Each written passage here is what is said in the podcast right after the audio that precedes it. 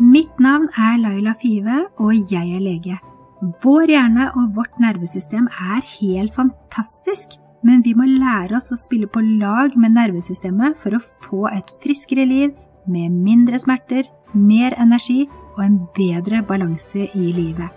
Med denne podkasten ønsker jeg å gi deg kunnskapen og enkle forskningsbaserte verktøy for at du skal få det livet du ønsker.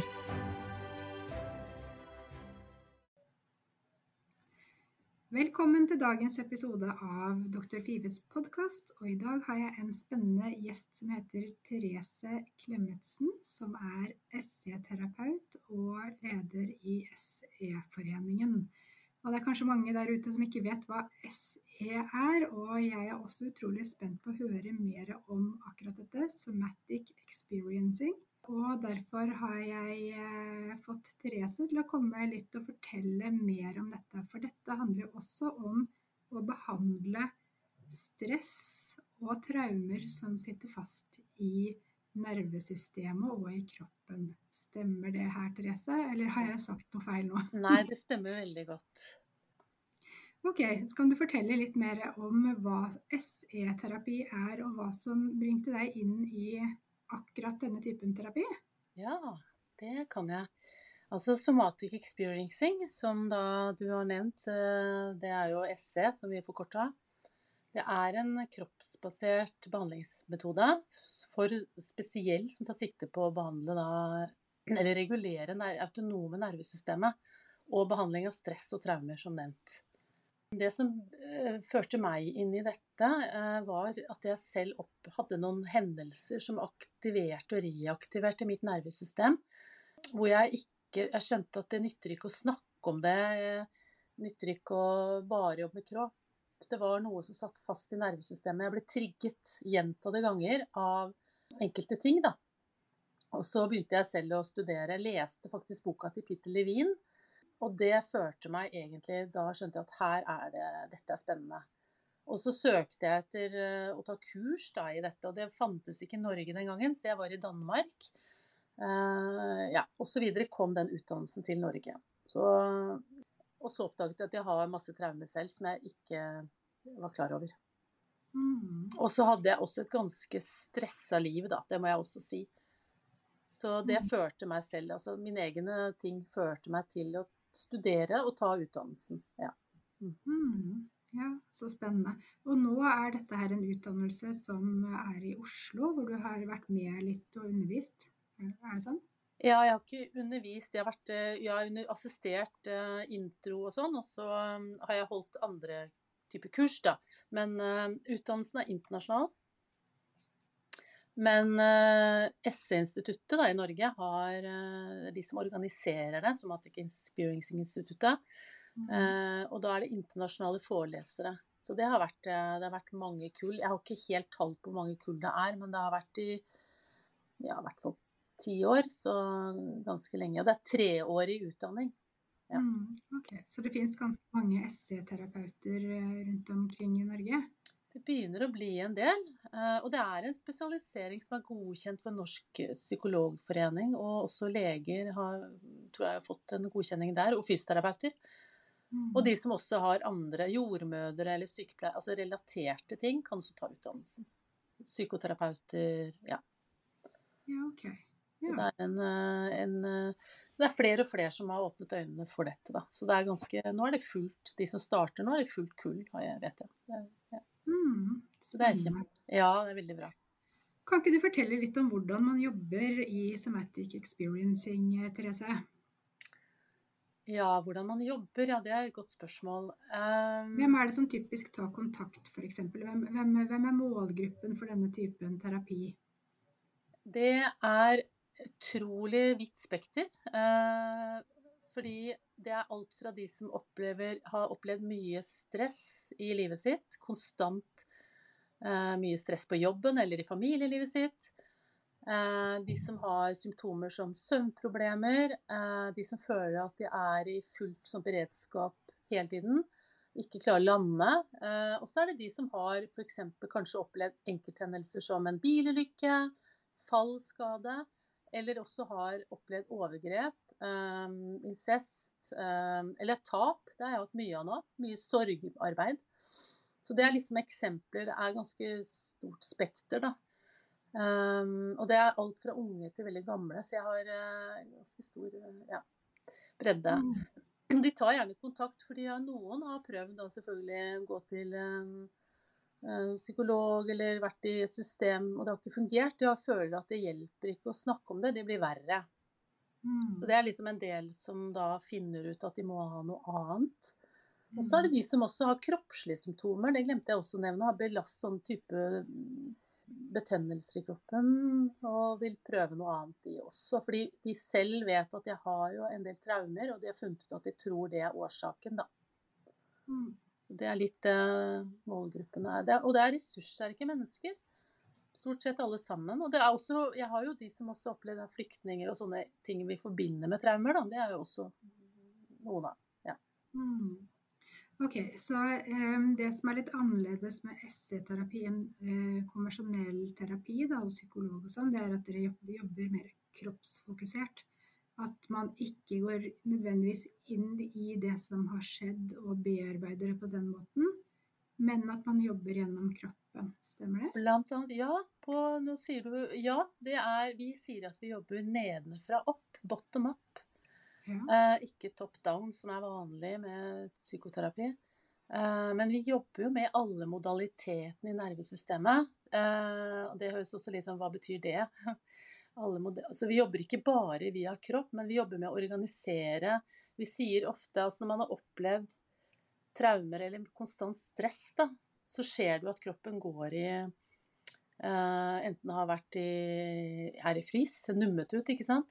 Eller er i konstant det vi kaller eh, global high activity, altså høy arousal, at du er høyaktivert hele tiden. Mm.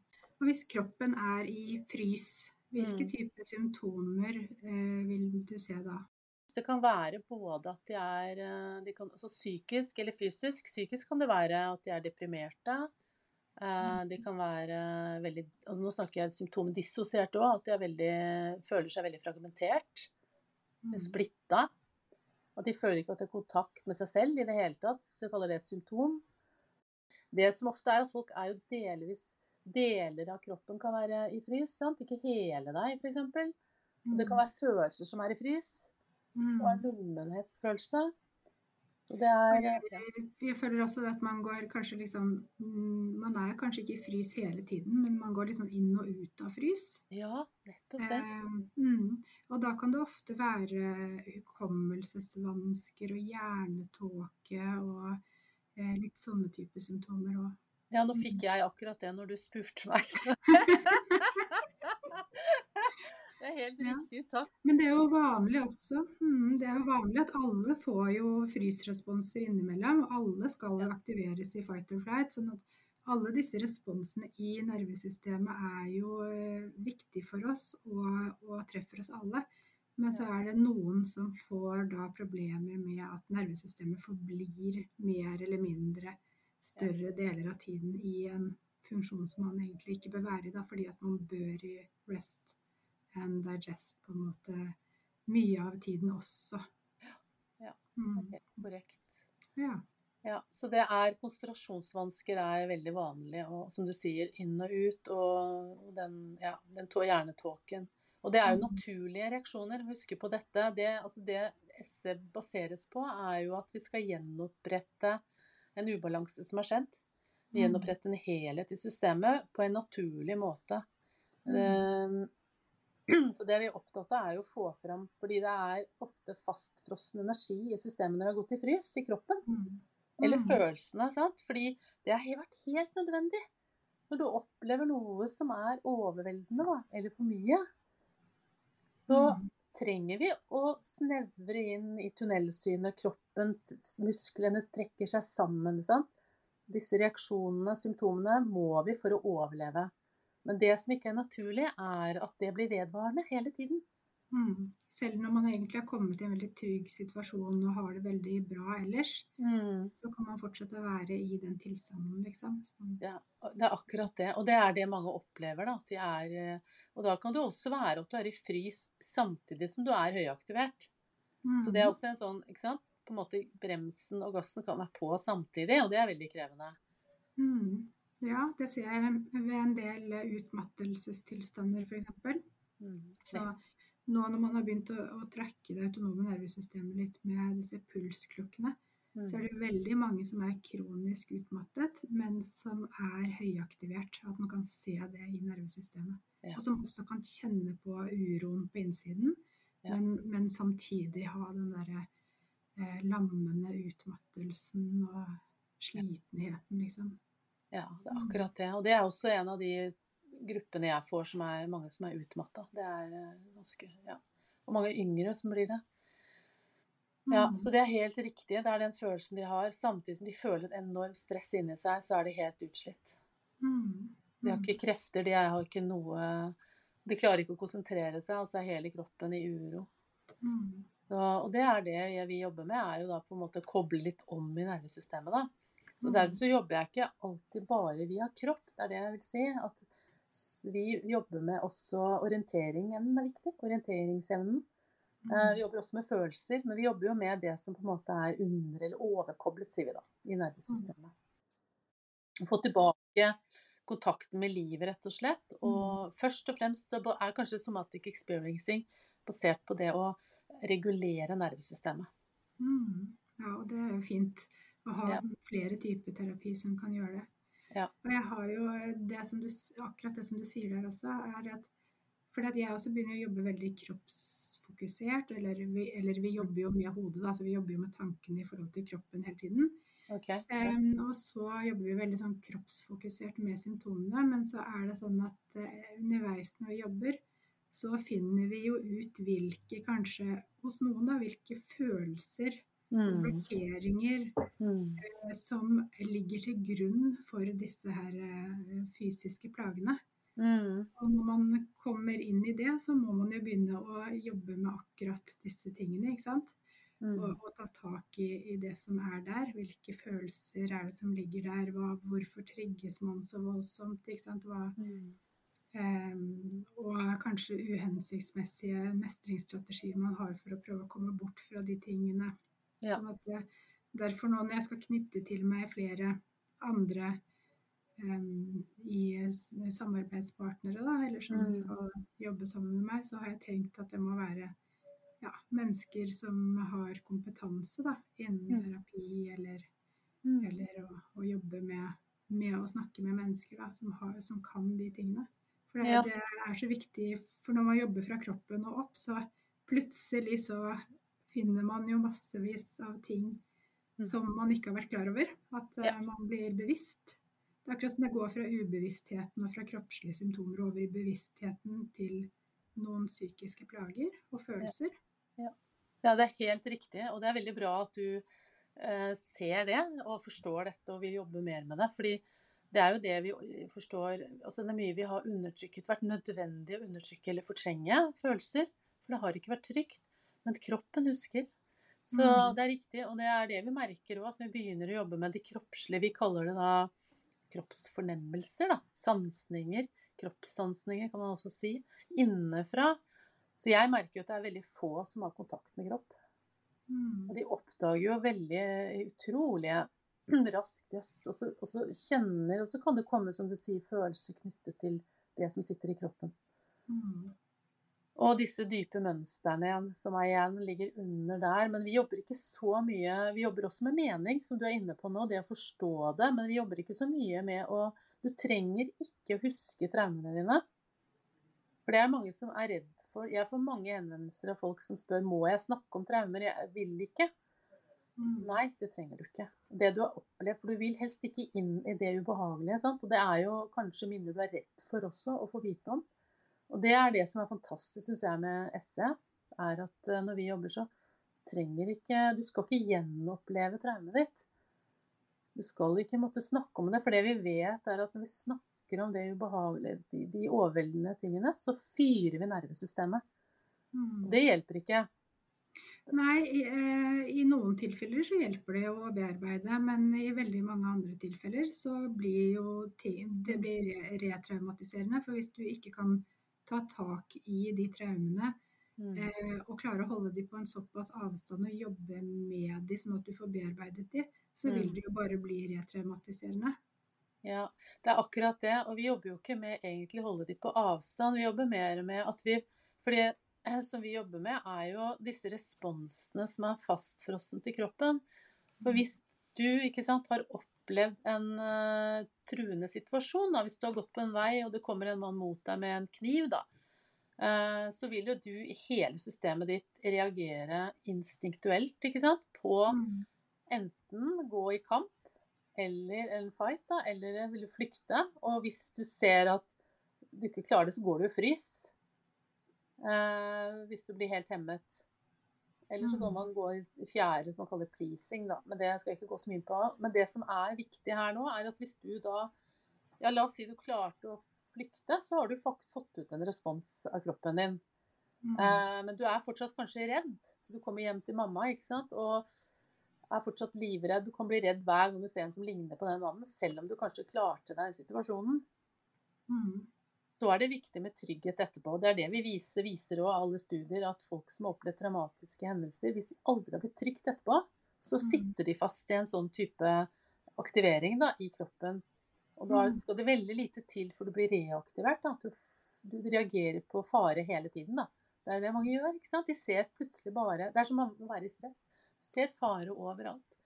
Så det vi jobber med da, er å få ut kanskje en fight-respons som er underlagt, hvis det er den som må til, for å få ut og re, igjen, reforhandle i nervesystemet. For det kan ha vært, selv om du flyktet, da, som jeg ga et eksempel på nå, så kan du allikevel, dele av deg, gått i frys. Følelsen har gått i frys. Du var skikkelig redd. Du kunne ikke Mm. føle det samtidig. Mm. Du kunne ikke føle på det, for det, det overlever ikke. Så da må vi stenge av følelsene. Og så Mm. etterpå, hvis ikke det har vært veldig trygt etterpå, eller du følte deg trygg, kanskje ikke foreldre som er emosjonelt støttende, eller ja, så vil det fortsatt sitte litt sånn som en frykt. Og da kan det utvikle seg til angst osv. Så, videre, så det har jeg også da, klienter med mye angst, det glemte jeg å si. Men ikke sant, sånne ting henger sammen. Det er alltid en årsak til at vi har de symptomene vi har. Ja. Så hvis jeg f.eks. hadde opplevd å blitt overfalt Mm. Eh, og hadde slitt med mye angstplager i ettertid og alltid liksom sjekket alle dørene mange ganger og vært redd for å gå ute på gata og kjente at jeg lett kunne få panikk eh, og var veldig stressa i kroppen, hvordan, hvordan ville en SE-terapeut på en måte hjelpe til i forhold til noe sånt? Altså, hvordan vil du begynne å jobbe med en sånn tilstand? Jeg ville først og fremst ville jeg begynt å jobbe med å, å regulere nervesystemet ditt. Mm -hmm. sjekket inn hvordan resiliens du har, altså hvordan kapasitet du har i systemet ditt, hvilke ressurser du har i livet ditt, og hvordan livssituasjonen din er, er jo viktig. Ville Mhm. kartlagt litt i forhold til det. Mhm. Og så ville jeg sett på For vi jobber veldig ressursorientert. Så vi begynner ikke rett inn i da det traumet. Vi vil jobbe først og fremst med regulere, som jeg sa. Eh, og så sjekker jeg om du har kapasitet og resiliens nok til at vi kan bearbeide eller jobbe med den selve hendelsen. Da. Mm. Og da jobber, ikke, da jobber vi med å egentlig endre narrativet litt, sånn at nervesystemet ditt får en ny opplevelse, en ny erfaring. Eller, som jeg sa i stad, får ut en respons, en kanskje en fight eller flight-respons. Så jeg veileder da i sammen. Vi jobber jo sammen. Mhm. Ja. Eh, også, eh, nå var det, fikk jeg mange spørsmål. Men Ja. først og fremst, hvordan regulerer du nervesystemet? F.eks. hvis du vil noen teknikker du bruker, eller eh, Mm. Ja. Nei, altså eksempel, det, det er jo det at jeg må jo se hva som er, hvordan ditt system er. Og det er det som er så viktig, at vi jobber veldig organisk. Mm. Jeg er veldig opptatt av at det er ikke sånn at én metode passer på alle. Så vi er jo trent på det når du er IC-terapeut, å lese folks kropper. Og samtidig som jeg ikke tolker eller analyserer noe. Jeg går i dialog, og så ser jeg sammen med deg. Vi gjør forskjellige ting. Så det vi kan begynne med, er jo sånne lette ting. At vi kjenner at du sjekker inn i kroppen din, f.eks. At du sitter på stolen og kjenner du Da vil jeg kanskje spørre om du har Hva merker du? Hva legger du merke til i kroppen din akkurat nå? Mm. Så kan du svare meg da. Jeg vet ikke om du vil svare meg nå, eller Bare eksempelvis. Hvis du hadde vært litt Så hvis jeg hadde vært litt stressa Nei, jeg kjenner på uro. Jeg kjenner på en klump i magen. Ja. Mm. Sant? Jeg har en klump i magen. Ok. Og så vil jeg spørre om er det noe sted i kroppen du føler Kjenner det behag eller nøytralt? Ja, da kjenner jeg det nøytralt i armene. Ja. Så hvis du eh, gir oppmerksomhet til armene dine nå det, Så bare ta litt tid og merke armene dine. Hva merker du i armene? Kan du beskrive det? Hva skjer i armene? Er det noe Mm. varme eller kull, eller er det noe bevegelse der? Eller? Ja, da kjenner jeg at eh, de er slappe og tunge. Ja. Eh, Jeg kjenner meg kald på fingrene, Ja. mens jeg kjenner meg litt varmere opp etter armene. Ja. Mm. Ja, så bare ta deg tid til å merke det. Og så, og så inviterer jeg deg også nå, nå Nå har vi vært litt i kropp, så jeg har jo ikke hele sesjonen med deg nå, da. Det er bare en liten innlegg. Så vil jeg sjekke inn med deg nå at du eh, ser deg litt rundt i rommet du sitter, f.eks. Bare sjekk inn og så se om du finner noe som er trygt å se på. Mm. Finn en form eller farge som øynene har lyst til å se på. Ikke hva du tenker er fint, men litt Mm. kan være litt eh, trygt å se på, da. Mm.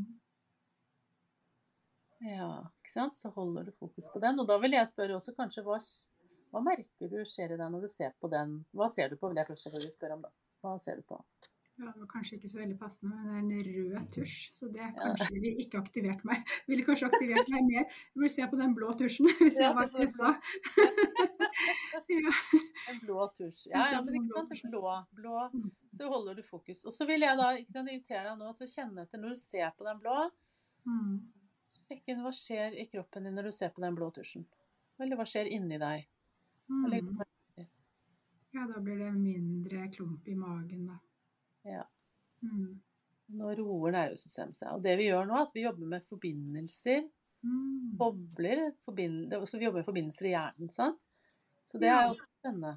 Sånn at når man da kjenner på dette stresset, så kan man øve på eh, å finne noe som er beroligende, eller noe som ikke har så sterke symptomer i kroppen, f.eks. Mm. Og så lære nervesystemet å finne roen ved å fokusere på det. Ja. Framfor det som stresser og gjør en uro. For det er ofte når man har angst, eller når man er stressa, Mm. eller når man eh, er veldig forknytt, eller sånne ting, så, så vil man, eller har mye smerter, så vil man jo ha fokus mot det stedet hele tiden. Ja. At det vil kanskje føre til enda mer bekymring og enda mer stress og enda mer angst. Ja. Men så her sånn så lærer du hjernen til å fokusere bort fra det og mot noe som er mer nøytralt. Det er helt riktig. Ja. Mm. Det er akkurat det vi gjør. Fordi vi er veldig vant til Og det er også naturlig at man blir, sant, fokuserer på det som er vondt i kroppen. Mm.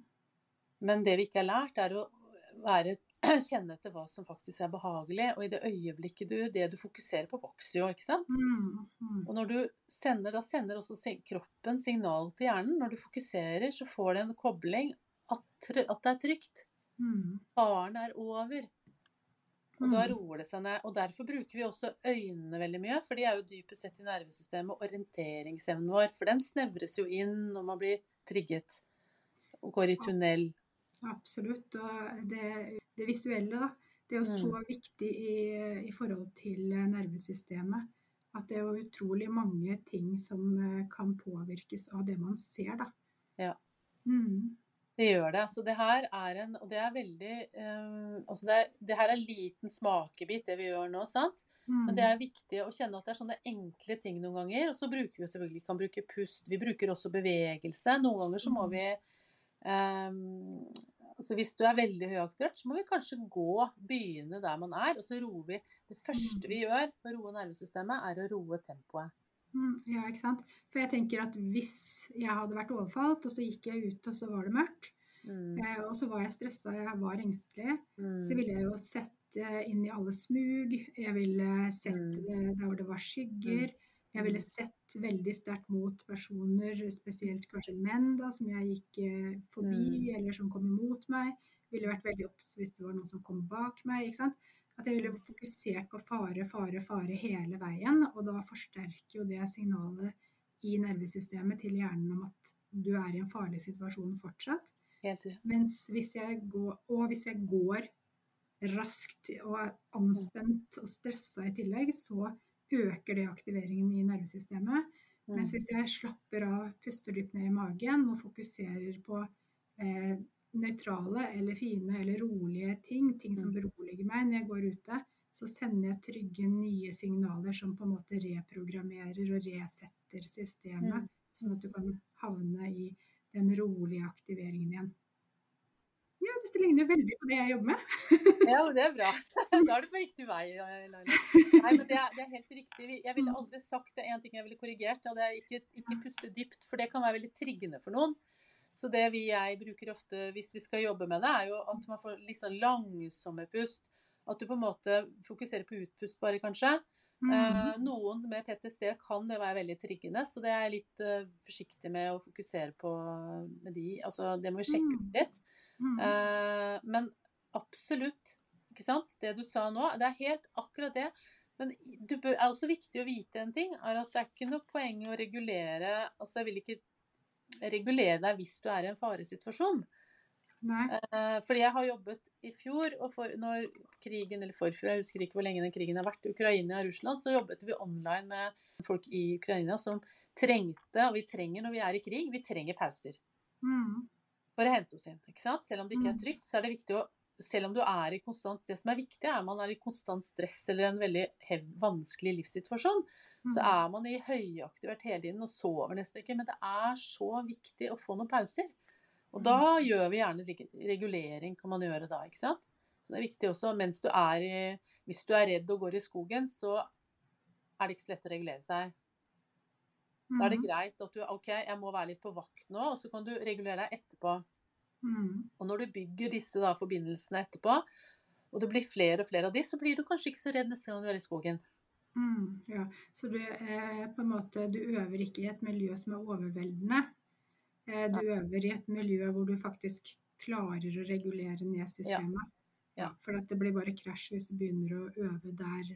Eh, ja, overeksponere deg egentlig, da. Men du kan jo gjøre det også med angstpasienter, da, eller folk som har angst. Men jeg, Mm.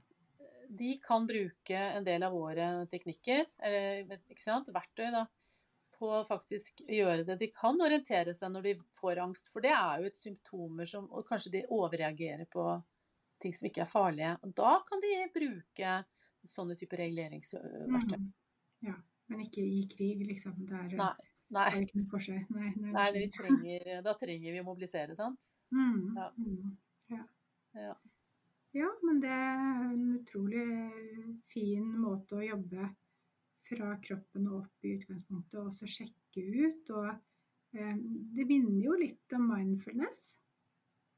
Det gjør det, men vi jobber jo litt mer enn bare med å sjekke inn og kjenne etter, da. Ikke sant? Mhm. Så, for det vi gjør, er jo også organiserer Det er mye sånn For nå er du traumatisert eller mye stress, så er du veldig disorganisert. Så Ja. vår jobb er jo på en måte, som jeg sa i stad, det er litt som å hjelpe til å koble litt om, da. Mm. Um, og fullføre disse orienteringsreaksjonene, da. Mm Mhm. Fight, flight, eller ikke sant? Få ut de Mhm. responsene. Det er ganske viktig. Eller følelser som ikke har fått blitt følt. At det blir Mhm. trygt. Så det vi gjør, er å bygge trygghet. Og det kan du ikke bare si til et menneske at det er trygt. Fordi Mhm. kroppen Du kan godt føle deg trygg med hodet, og du vet det er trygt, men kroppen din er ikke trygg. Det er som å si til noen som skal legge seg og sove, at det er trygt. Og du får ikke sove. Kroppen din er ikke sant? Hvis du har mye stress, så klarer ikke kroppen å slappe av. Så da må vi jobbe med Derfor vi må jobbe via kropp, da. Altså via Eller via, via nervesystemet, vil jeg si. Ja. Så og ikke bare kjenne etter, for noen kan ikke kjenne etter heller. Noen kan ikke, bare, noen kan ikke engang tune innover. Fordi det, Mm. er, eh, det kan aktivere. Det er så skummelt. Å miste kontrollen, f.eks. Ikke sant? Mm. Det er også en sånn eh, typisk eh, symptom på hvis man har hatt, opplevd en del traumer, at man er, kanskje trenger mye kontroll, da. Mm. Så du vil ikke la be noen som eh, har stort kontrollbehov om å liksom prøve å slippe opp kontrollen i utgangspunktet? Ikke, ikke, vi må gjøre det trygt til at du kan gjøre det. Du kan Mm. ikke la en elv som renner, pushe en elv. Du må på en måte tilrettelegge for at den kan renne fortere, holdt jeg på å si. Eller, så du, du er nødt til å gjøre, skape tillit i bånd og trygghet. Og det er ikke noe man bare sier, det, det bygges langsomt. Mm. For de fleste som har opplevd traumer eller ja, spesielt traumer, da, de har, de har ikke de, Jeg kan ikke stoler ikke på andre. De har mista tilliten, ikke sant. Og så har de gjerne blitt grensene har blitt overkjørt, da. Du er gjerne grensekrenka når du har blitt opplevd traumatiske hendelser. Mm. Det er en del sånne ting vi også jobber med å bygge opp, da. Grensene dine. Mm. Mm. Og tilliten til deg selv òg. At dine, også dine behov er viktige, f.eks. Mm.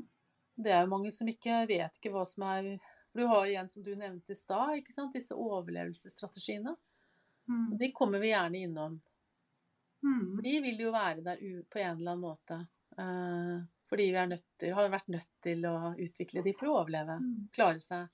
Ja, jeg jobber jo med mange som eh, kanskje har opplevd at eh, deres tanker og følelser og behov ikke har vært så viktig uh, Mm. i oppveksten, og at de har måttet på en måte legge mye av sitt til side. Mm. Fordi kanskje de har følt på at eh, enten foreldrenes behov eller at søskens behov på en måte har vært eh, viktigere eller større, da. Mm. Eh, og så eh, har man sluttet å liksom tenke at det jeg føler og mener er veldig viktig. Mm. Eh, og, og kanskje har begynt, sluttet å egentlig kjenne etter på hva, hva jeg egentlig vil. Hvordan, hvordan ville dere i SC-terapi på en måte begynt å jobbe med det der med å bygge opp igjen eh, ja, selvfølelsen og på en måte det å forstå eller tenke at det jeg føler og mener er viktig, og, Mm. og jeg kan sette grenser. Ja, eh, det eh, er først ville jeg jobbet med Først må du få kontakt med deg selv, ikke sant? For å vite hva, hva dine behov er. Mm. Eh, og det er jo sånn som jeg sa, vi begynner å kjenne, bare få lov å begynne å kjenne etter innover. Det er jo Mhm. mange som ikke har gjort det i det hele tatt. Bare sitte stille kjenne hva skjer i deg akkurat nå. Mm. Hvilke følelser har du? Og, så vi vil jo validere følelsene. Vi vil støtte at dine følelser er viktige. Og det at de kommer til meg, eller til deg, da, til en behandler, er jo grunnleggende Da har du allerede tatt et viktig skritt. Da tar du deg selv på alvor. Og du tenker at 'jeg har et problem', eller 'jeg trenger hjelp til noe'. Da begynner du å kjenne at du Ett behov har du, ikke sant?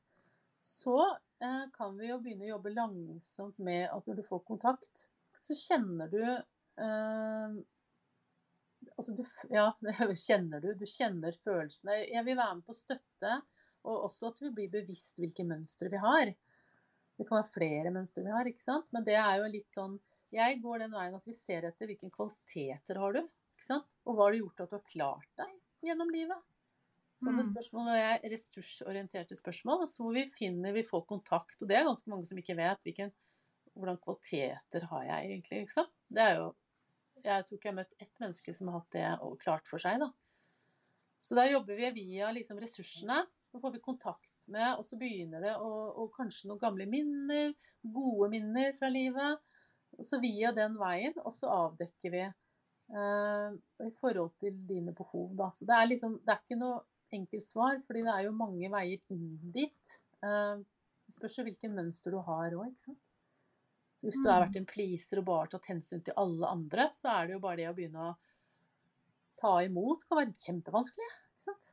Mm. Mm. Så bare det at jeg ser på et menneske kan være skikkelig vanskelig. Så jeg, jeg, og det er vi også veldig opptatt av, at du må ikke se på hverandre. Vi jobber med øynene, vi jobber med orienteringen. Bare det å ta imot. Så det er jo det vi- også vi må Det vi kaller et ord titrere, er et Mm. begrep vi bruker. Vi har liksom to begrep. Er pendulere og titrere i esset. Titrere er liksom ta små doser sånn at du kan integrere. Mm. Jeg hadde et eksempel, at jeg hadde en eh, ung jente som hadde vært som på barnehjem og fosterforeldre og altså virkelig Og veldig, veldig tøff oppvekst med mye overgrep. Eh, hun har blitt kasteball rundt i systemene. Når hun kom til meg, så var hun, også drev med selvskading. Så hadde vi en god samtale. eller så Vi begynte å snakke, og jeg kartla. Og så eh, merket jeg at det var vanskelig å se på henne, så jeg sa det er helt greit at vi ikke ser på hverandre og sånn. Men det som skjedde, var at hun ble ganske rolig den timen, åpnet seg ganske mye. Og neste gang hun kom, så hadde hun skikkelig sånne enda større kutt på armen. Så spurte jeg henne hvorfor har du, hva skjedd, liksom. Så sa hun at det, det er første gang i sitt liv at hun hadde blitt Det var noen spørsmål hun hadde spurt, og blitt følt seg sett, da. Og hørt og forstått. Og det var så ubehagelig. Hun hadde aldri kjent på de følelsene før, så da hadde hun skjært seg enda verre. Og da er det sånn, så nesten sånn, og da, det er også en viktig greie, er at jeg må jo passe på hvor mye omsorg nesten jeg gir, mye kjærlighet eller varme. Du må på en måte titrere hvor mye hun tåler å integrere. Mm. Det er et eksempel på at for mye kjærlighet kan være vondt for noen, for du har aldri følt det før.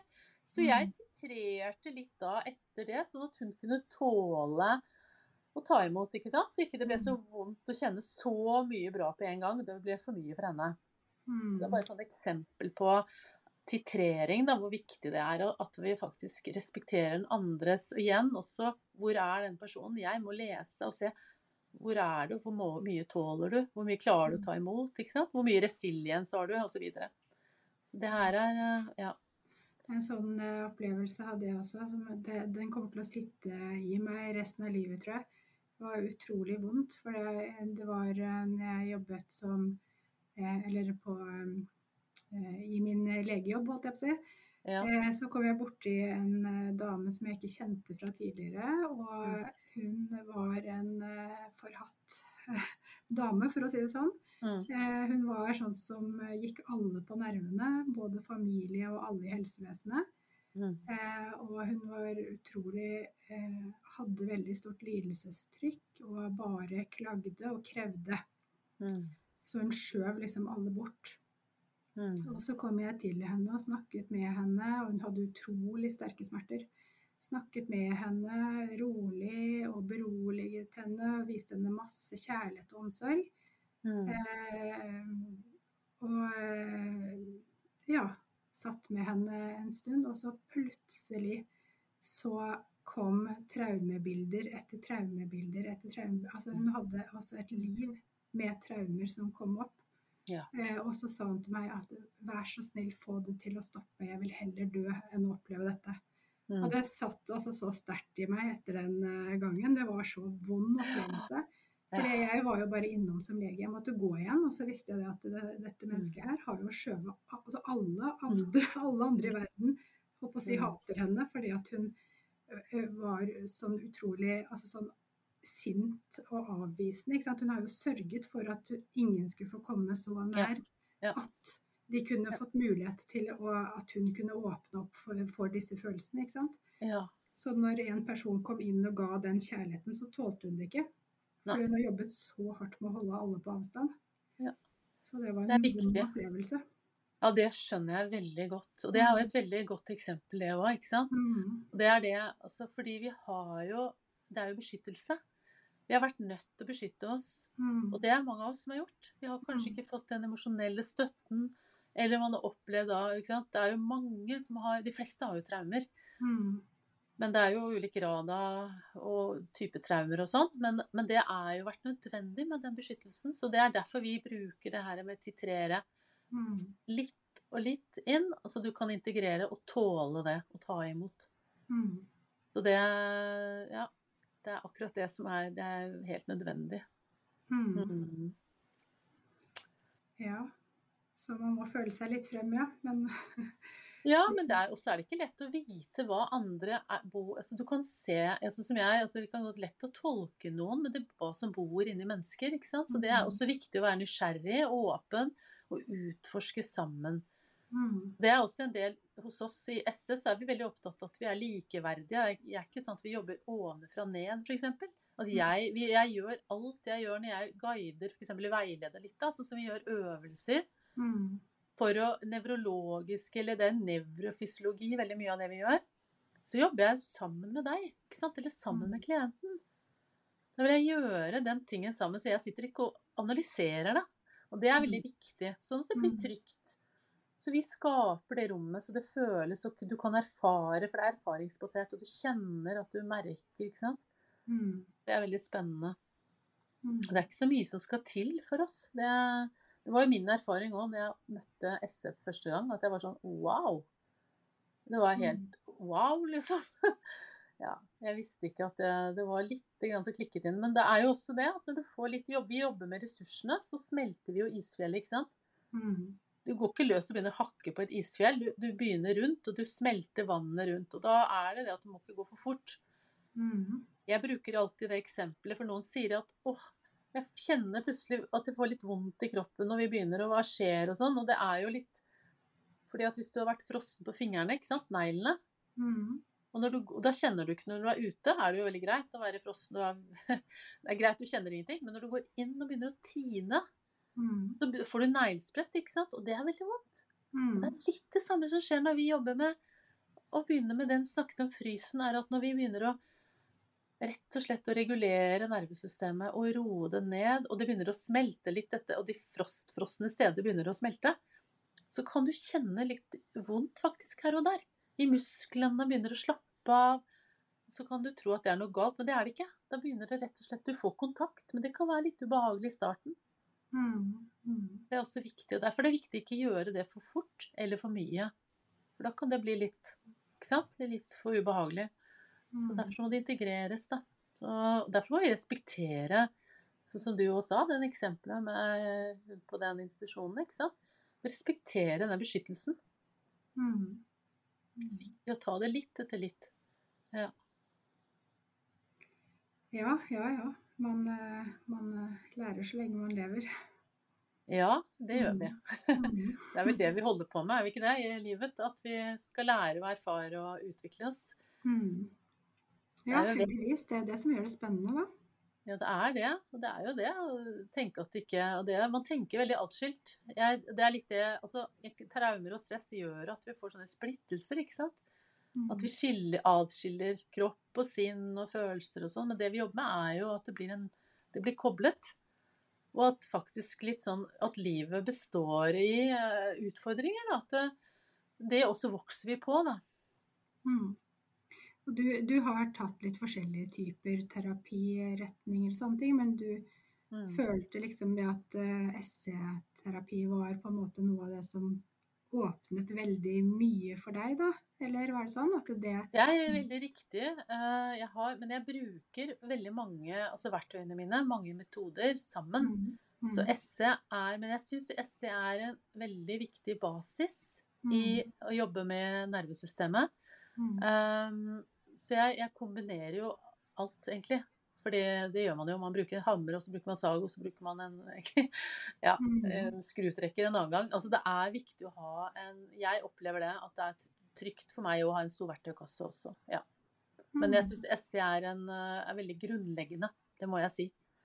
Så det Mm. var en eh, den, Jeg bruker det. Det, er, det ligger som basis i alt jeg gjør, altså, faktisk. Mm. Mm. Ja.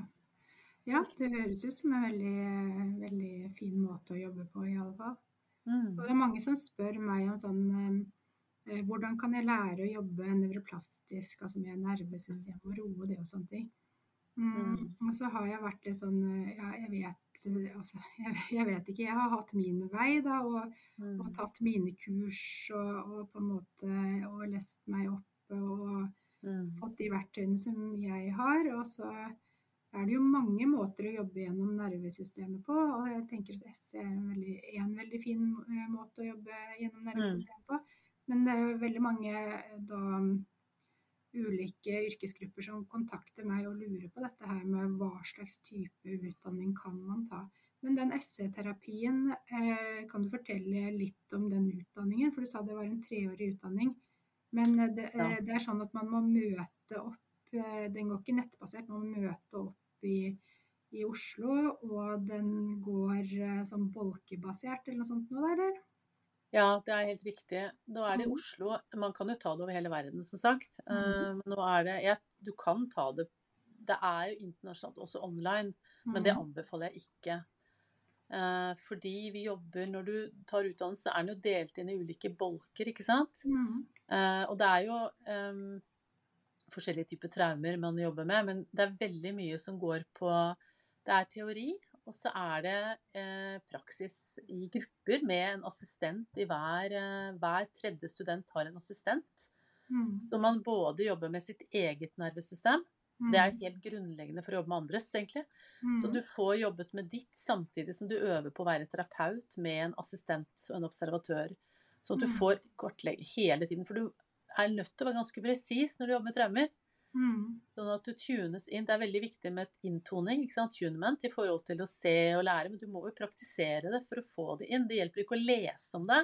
Du er nødt til å praktisere. Det er min erfaring. Nå har jeg holdt på i ti år i praksis. Altså jeg har jo privatpraksis.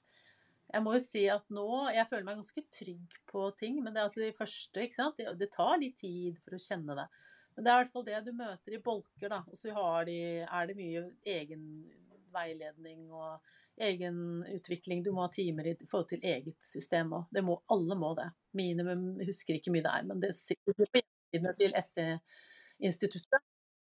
Kan du lese mer om hele utdannelsen der sånn egentlig på SE? Ja, det ligger også litt link på SE-foreningens hjemmeside og til SE-instituttet. Så Mm. det er i hvert fall bolker helt riktig. Ja. Så man kan kombinere det med jobb og andre ting, da. Mm. Mm. Ja, det er bra. Da vet man i hvert fall én måte som det går an å jobbe gjennom nervesystemet med å, med å Ja. regulere det som finnes her i Norge. En utdanning på det. Ja, det er en spesialisering, og spesielt for sjokktraumer, syns jeg. Men det er også Du kan jobbe med utviklingstraumer. Vi jobber også hands on på benk og sånt, så det er jo en del av et studie, det også, faktisk. Ja. Det er ikke bare veiledning via, men du jobber også med Og du jobber med øynene. Og det er liksom Det er mange ting. Det, også er det delt opp i ulike typer traumer man jobber med. sant? Om det er Mm. bilulykke, eller om det er en sykehusopplevelse. Å, ja. Eh, ja, ja. Så det er veldig spesifikt. Når du går i studiet, så er det veldig spesifikt Mm. eh, type traumer man jobber med. Når det er høyaktivering, krig, fare, sånne store traumer, så får man liksom Hvordan skal du jobbe med det, ikke sant? Mm. Det er ikke sånn at det er én form som passer på alt, for det er jo viktig. Mm. Og fall, ikke sant. Du kan tenke deg hvis det har vært eh, folk i koma, sånne heftige ting, da, så er du nødt til å vite hva du gjør, altså. Fallskader, eller om det er Ja. Så det er, det er delt inn i forskjellige typer traumer også. Ja. Så alle kan ta utdannelsen? Nei, alle kan ikke ta utdannelsen. Det er ikke riktig å si. Altså, du, det er noe minstekrav. Så ja, du er, bør ha helsefaglig bakgrunn. Ja. Men det er noen som har en kombinasjon, da. Jeg er ikke sikker på hvor grensene går, for det har vært litt ulikt. Det har utviklet seg. Så det, å, det må man sjekke med SE-instituttet nå, hvilke Mm. krav det er, da. Men det er ikke sånn at du må være lege eller eh, psykolog. Eh, Du kan ha andre relevante helsefaglige bakgrunn. Da. Mm. Psykoterapeutisk eller ja. Mm. ja. Så det er veldig bra. At det er ganske åpent sånn sett, så du kan kombinere det. Mm. Mm. Nei, men det var utrolig spennende å høre litt mer om SE-terapi. Og det var utrolig spennende å høre litt eh, eh, Ja, at man skiller litt på ulike traumer, og hvordan man er nødt til å hele tiden på en måte av Det høres jo veldig spennende ut, ikke sant? Det der med å hele tiden regulere og, og se på pasienten sin, sant? Og, og, og på en måte se etter visse tegn. Jeg syns det er veldig gøy. Det, det er litt sånn teknisk. Så, og jeg liker alt som er litt sånn teknisk. Mm. Eh, At du må lære deg eh, litt hvordan du skal eh, håndtere hver enkelt pasient. Og, Ja. mm, og, og hvordan man kan finne gode måter å jobbe sammen på for å komme til målet. Men Mm. hvor lenge varer f.eks. Altså en sånn SC-terapi? Er Jeg vil tro at noen har mye traumer og ønsker å gå i mange år, men, men uh, altså Hvis man har litt uh, lettere ting, da på en måte, er det Ja, det er veldig individuelt, som du sier. Det vanlige Altså, jeg har jo hatt F.eks. hvis jeg får noen som har vært utsatt for en bilulykke, da. Det har jeg hatt en del av. Mhm. Da, det kan jeg ta Det kan vi ta to-tre sesjoner på, så kan du være ferdig med den hendelsen i kroppen din og nervesystemet. Det er ganske effektivt. Mm. Um, og det får jeg inn sånne Nå har jeg nettopp fått en nå som har vært her. ikke sant? Det, det er Mm. sånn, det kan vi ta to sesjoner på. Det er eh, fantastisk. Mm. Uh, har du litt, så er det igjen, ikke sant, det er sjokktraume. Har du opplevd utviklingstraumer, altså konstant hvis du har vokst opp med foreldre, alkoholiserte foreldre, som mange har, eh, eller altså konstant en uforutsigbarhet i hjemmet ditt, da, eller en psykopatisk mor, som, altså ting som skaper, har skapt, eller aldri vært trygt, da. Mm. Mm. konstant vært Og det er klart at du, du vet Vi husker jo heller ikke de første 0-2 årene hvordan kontakten har vært med mor eller far. Mm. Uh, og det jobber jeg også med. Vi jobber med de ordløse nivåene. De sitter jo i kroppen, for da er jo ikke hjernen kognitivt utvikla. Nei. Eh, så minnene sitter eh, Og det, da kan det jo ta lengre tid. Så ofte noen kommer med et sjokktraume, så viser det seg at det ligger noe mer under der. Mm. Så det kan være alt fra som jeg sier, en, to sesjoner til uh, flere år. Mm. Mm. Så jeg jobber uh, Jeg har folk som kommer i perioder til meg. De er ferdige, og så kommer de, opplever de livskriser og skilsmisser, og så reaktiverer det noe nytt. Og så, ikke sant? Så det er en sånn Mm. Jeg sier ikke at det er Jeg kan ikke Det er så individuelt. Men det er Ja. Så noe kan gå som du sier. Det er litt lettere ting, da. Et fallskade eller ja, et eller annet som du husker sitter i kroppen. For kroppen Eller en sykehusopplevelse kan også være Mange har jo traumer med Dessverre Mm. sykehusinnleggelser og fødsel f.eks. Og ja, Mm. sånne ting. Da. Mm. Ja, det har jeg jo sett veldig mye av at eh, ikke bare fødsler, men det stresset med, med overganger, ikke sant. Mm. At det er veldig mange eh, etter at de er født, får da eh, langvarige plager med bekken, rygg, halebein eller, Ja. eller underlivet, eller altså Ja. sånne ting som setter seg over lang, lang tid, da. Ja.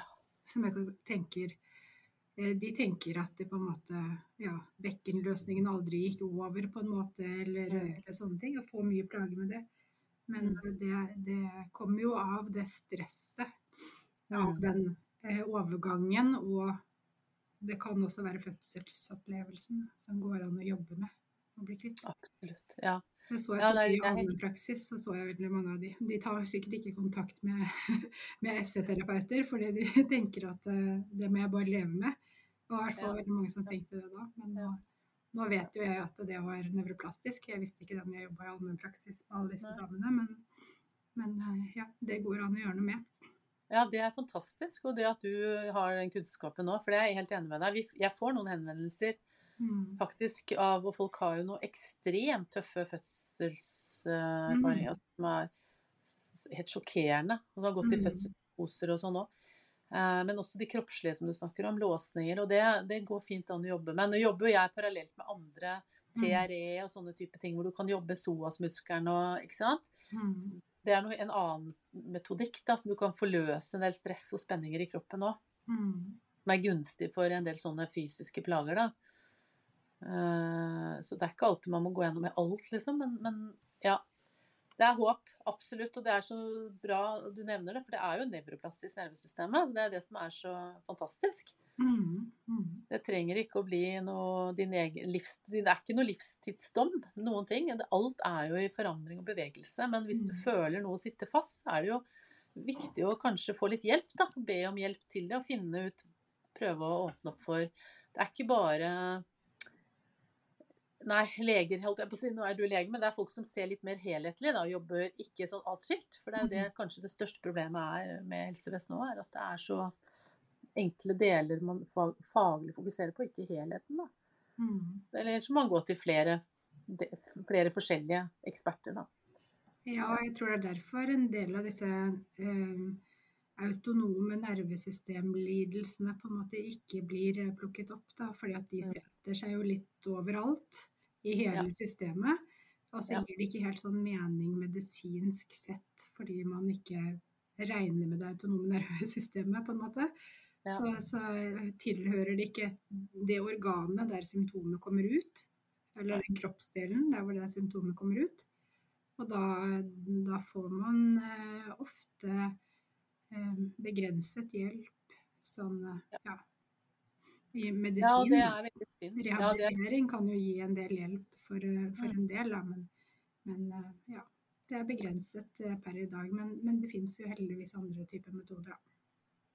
Ja, det gjør det. Men det er begrenset, og det er, det er viktig. Det, jeg opplever at det begynner å åpne seg litt mer, litt mer nå, og litt mer kunnskap også om det. For vi ser jo det at, som du vet, det endokrine, hormonelle systemet, hvordan bare det, ikke sant? Du vet jo at du, kortisol blir aktivert i den der HPA-aksen, hvordan det bare Mm. Hva skjer da? Det er stresshormonene som bare skyter ut i kroppen. Det er klart det, Hvis det er konstant, Ja. at det vil påvirke kroppen din. At det blir ubalanser. Og at det fører til diverse lidelser etter hvert. Det, den sammenhengen er jo ganske Man trenger jo ikke å være ekspert for å forstå det, egentlig. Nei, nei. De fleste som tar mitt kurs, de skjønner det veldig godt. Ja, det er bra. At det er eh, OK, det var, det var såpass tidlig, ja. Mm.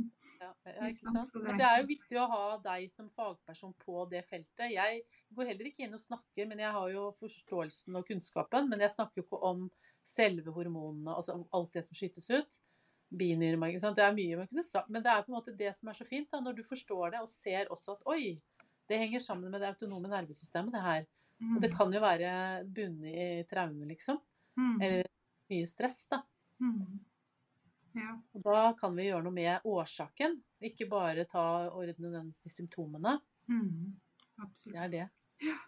Ja, nei, det er en nydelig, nydelig måte å jobbe på, og veldig fint. Og det er utrolig fint at andre jobber på lignende måte, og at man kan jobbe med det autonome nervesystemet. For det er så viktig. Det skaper så mye lidelse Ja. eh, at eh, vi vil sannsynligvis ikke tro det engang. Jeg tror nok eh, kanskje noe sånt som en tredjedel av Norges befolkning går rundt med nervesystemlidelser som Ja. ikke hadde trengt å ha. Ja. Og, og alle opplever jo det innimellom. At hvis man blir litt stresset en periode, så kan man bli litt mer urolig i kroppen. Man kan få litt søvnproblemer, man kan få litt Mm. hodepine eller bli litt stiv i nakken. ikke sant? Så alle, Mm. alle opplever det. Eller sånn som når jeg skulle stille deg et spørsmål i stad, så forsvant hjernen din litt ut. ikke sant? Så alle opplever jo eh, at nervesystemet går litt opp og ned og får litt sånn hele veien.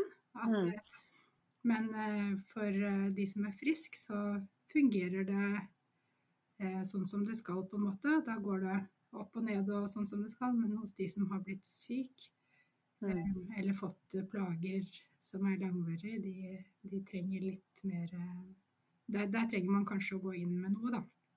Ja. Mm, og hvis man ikke vet om det, så kan man heller ikke gjøre noe med det. Snakket med en dame i dag som var 60 år, og hun sa hun hadde hatt smerter i hele kroppen. Hun trodde hun skulle leve sånn, men så Mm. ble, plutselig ble hun smertefri for første gang på 60 år. Mm.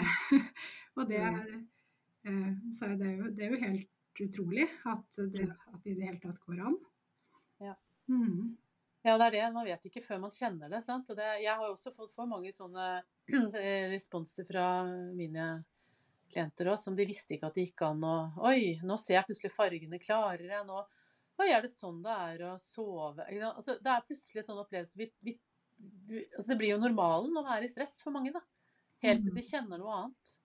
Ja, det er det også at man, mange ser jo ikke at de er i noen form for stress heller, fordi at de er så vant til å gå i det.